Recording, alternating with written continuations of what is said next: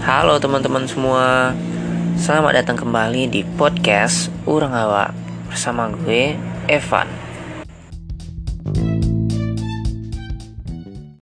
Episode kali ini kita bakal bahas tentang COVID-19 Berapa bulan terakhir dunia diguncangkan oleh pandemi COVID-19 Termasuk di Indonesia. Bahkan di Indonesia penyebarannya sudah sangat luas dari data yang terakhir gue lihat ya itu yang positif udah mencapai 6.575 orang. Yang sembuh udah 686 orang dan yang meninggal itu udah 582 orang. Nah pemerintah udah banyak nih melakukan berbagai upaya untuk menekan penyebaran COVID-19 ini. Walaupun terkesan lambat dan juga kurang tegas. Di antaranya pemerintah melakukan berbagai himbauan seperti himbauan untuk physical distancing, himbauan untuk ibadah di rumah dan tidak melakukan ibadah tempat ibadah seperti seperti biasa, melakukan pekerjaan dari rumah dan juga meliburkan sekolah dan juga perguruan tinggi.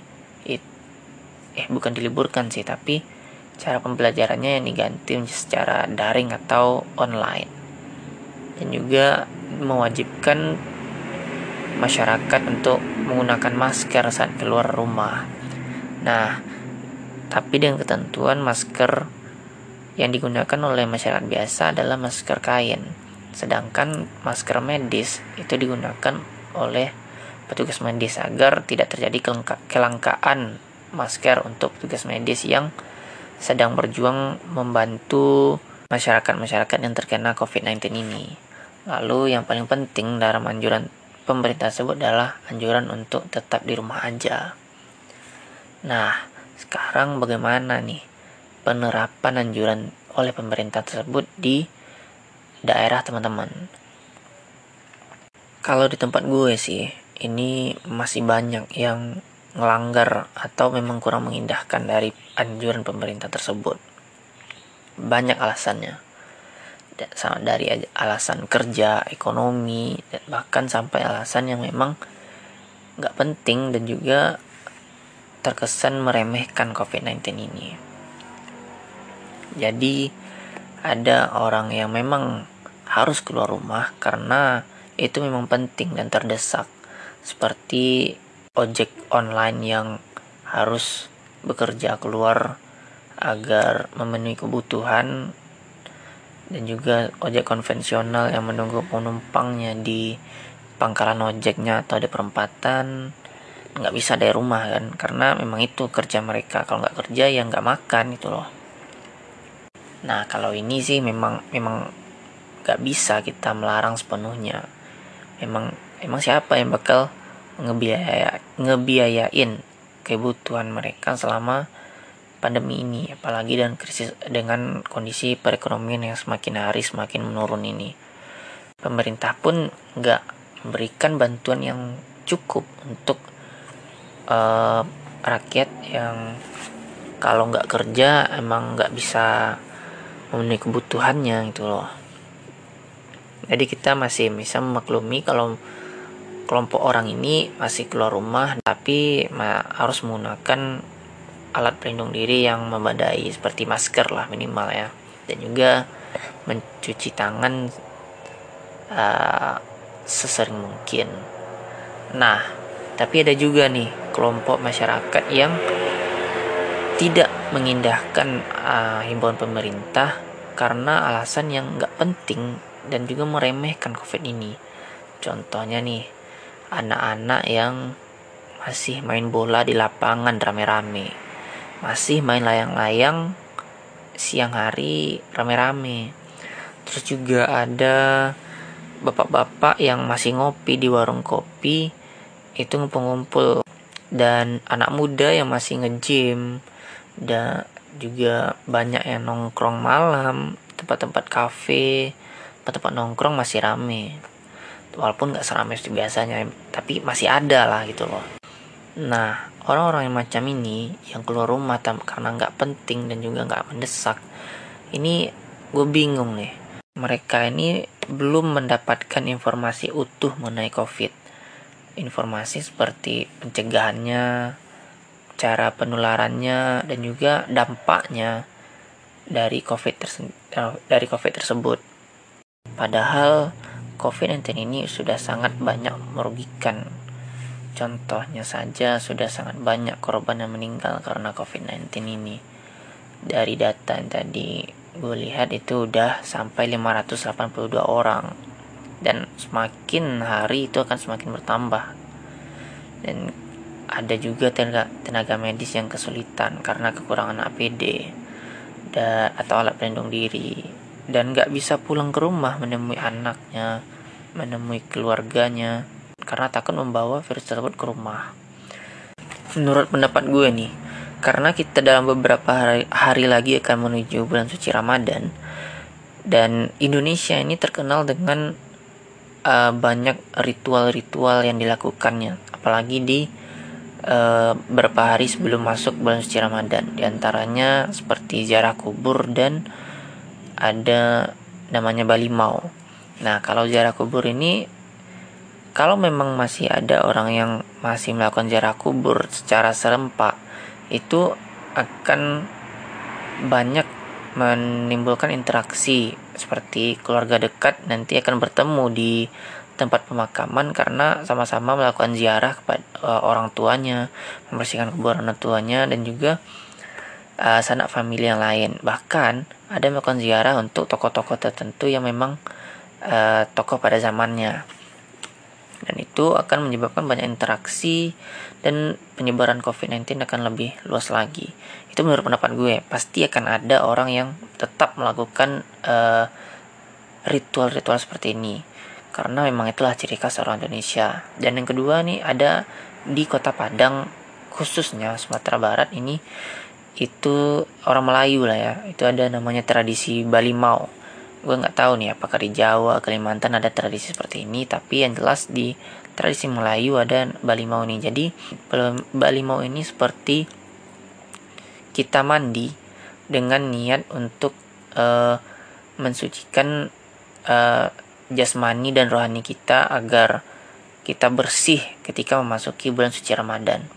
Nah, ini biasanya dilakukan di sungai-sungai, kolam atau pemandian umum untuk uh, mandi tersebut. Nah, kalau di tahun-tahun sebelumnya itu orang akan bertumpah ruah pergi ke tempat-tempat pemandian karena selain untuk uh, ritual semacam itu di sana juga banyak bermain-main dengan kawan-kawan uh, seumuran seperti hal-hal yang memang asik gitu loh yang gimana nggak asik kan kita happy mandi di sungai bareng-bareng rame dan itu terjadi cuma satu kali setahun sangat sangat rugi jika dilewatkan. Nah, kalau menurut pendapat gue, ini masih akan ada orang beberapa orang, beberapa oknum kelompok masyarakat yang masih melakukan uh, Bali mau ini di tempat umum, seperti di sungai tadi atau di pemandian umum, sehingga akan mengundang orang lain untuk ikut. Ya karena euforenya yang hanya satu kali dalam setahun. Dan dua kegiatan tadi ziarah kubur Bali mau itu harapannya kalau pesan gue ya itu ditunda dulu deh. Atau di, diminimalisir lah. Untuk ziarah kubur mungkin bisa ditunda dan mendoakan keluarga kita cukup dari rumah. Karena doa itu kan pastikan sampai di mana pun kita berdoa dan untuk Bali mau atau mandi itu karena memang kalau memang butuh itu ya cukup mandi di kamar mandi sendiri-sendiri aja lah Tak usah nanti berkumpul di tempat pemandian umum, sungai, kolam, dan lain sebagainya. Itu harus dikurangi dan dijauhi. Nah, jadi pertanyaan sekarang nih, kenapa sih masih banyak manusia atau kelompok orang yang tidak mengindahkan anjuran pemerintah bukan karena alasan yang mendesak atau penting. Bahkan sudah mengetahui dampak-dampaknya dari COVID ini. Nah, kalau gue menyederhanakannya menjadi dua jawaban. Yang pertama itu mereka ini belum mendapatkan informasi utuh mengenai COVID. Informasi seperti pencegahannya, cara penularannya dan juga dampaknya dari COVID tersebut. Dan mereka yang belum menerima informasi utuh ini juga tidak mau mencari mencari informasi tersebut. Jadi mereka emang masa bodoh gitu loh. Dan jawaban yang kedua adalah mereka yang udah mendapatkan informasi tentang COVID-19 ini secara utuh, tetapi ya informasi tersebut masuk dari telinga kiri dan keluar dari, telinga kanannya tanpa diproses oleh otak gitu. Ya kayak keras kepala. Keras kepala ya keras kepala mungkin ya. Dari dua jawaban tadi jika kita analisis lebih dalam dan juga kita runtutkan sampai ke akarnya maka akan ketemu uh, inti permasalahannya yaitu uh, komunikasi yang kurang baik dan tidak tepat sasaran. Jadi gini kalau kita berkomunikasi dengan kelompok masyarakat A begini caranya kalau kita menggunakan cara ini, maka informasi akan sampai 100% dan mereka memahami.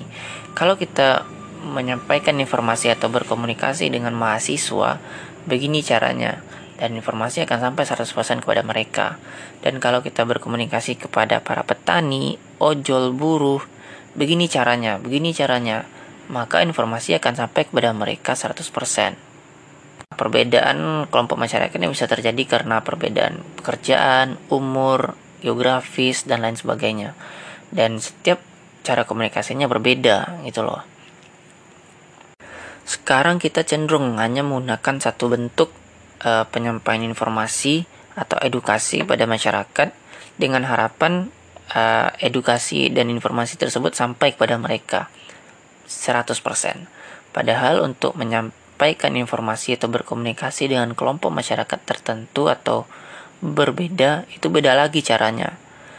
Gue yakin teman-teman yang dengerin podcast gue adalah orang-orang yang beruntung dan teredukasi dengan baik tentang virus corona ini. Sekarang yang bisa kita lakukan untuk membantu pemerintah ataupun membantu tenaga medis yang sedang berjuang di garda terdepan upaya kita sendiri untuk menekan penyebaran COVID-19 ini yaitu dengan memberikan edukasi dan informasi yang benar kepada keluarga sekitar kita, kepada teman dekat kita, kepada orang tua kita dengan cara komunikasi yang benar dan tepat sasaran. Maksudnya, tentu kita yang tahu bagaimana cara berkomunikasi kepada uh, teman dekat kita yang benar sehingga informasi sampai 100%. Tentu kita yang tahu bagaimana cara berkomunikasi dengan adik kita, dengan kakak kita, dengan orang tua kita, dengan paman kita dan sanak keluarga kita yang lain karena kita dekat dengan mereka dan kita tahu bagaimana cara berkomunikasi dengan dia yang benar sehingga informasi tadi sampai. Nah, jika kita semua melakukannya, maka uh, sedikit demi sedikit semua orang akan mendapatkan informasi yang benar dan teredukasi dengan baik mengenai COVID ini karena telah disampaikan oleh orang-orang yang tahu cara berkomunikasi dengan mereka. Nah, kalau kita lihat dari sudut pandang Minangkabau bagaimana cara berkomunikasi yang baik, itu dapat kita lihat dalam ajaran Katona Nampe jadi keturunan nampe ini adalah aturan dasar dalam berkomunikasi antar sesama manusia ya.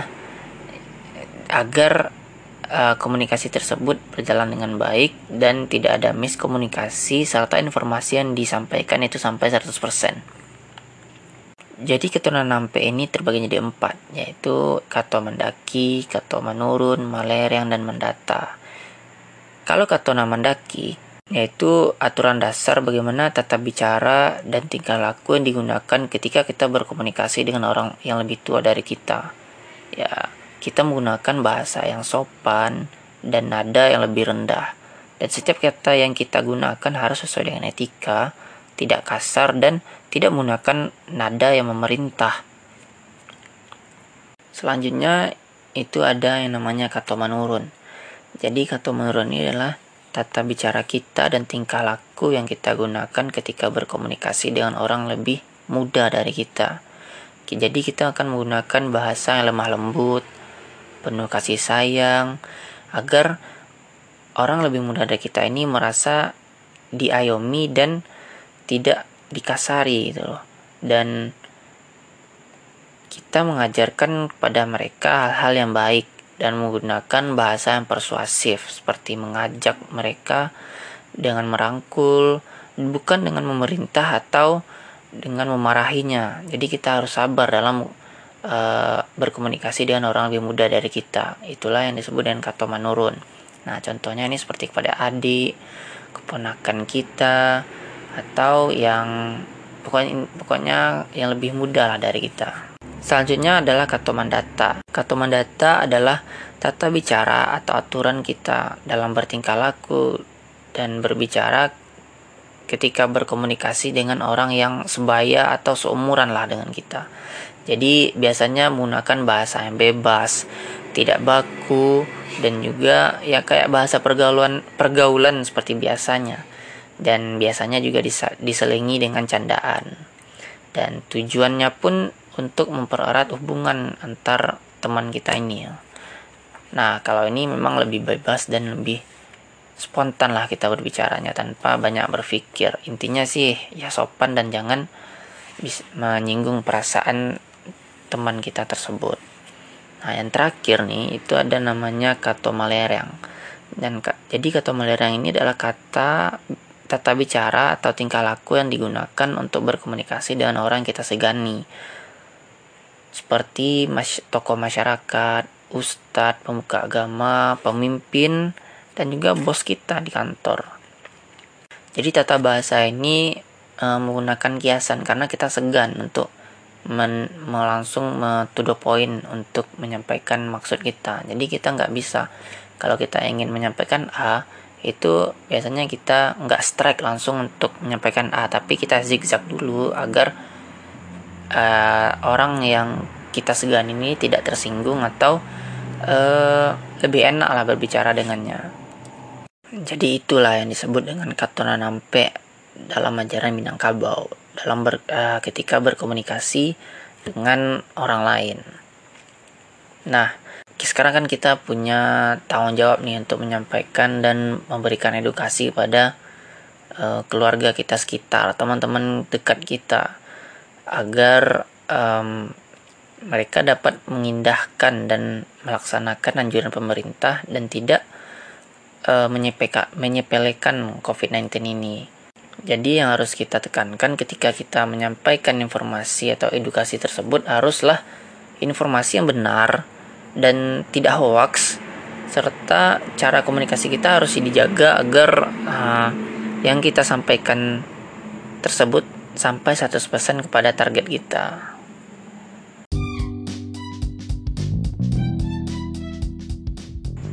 Nah, mungkin sampai di sini lah ya pembahasan kita pada episode kali ini. Gue pribadi mohon maaf nih jika banyak kekurangan dan kesalahan. Semoga uh, kita dapat ambil pelajaran dari podcast ini dan beberapa kesimpulan Sampai jumpa lagi di podcast selanjutnya.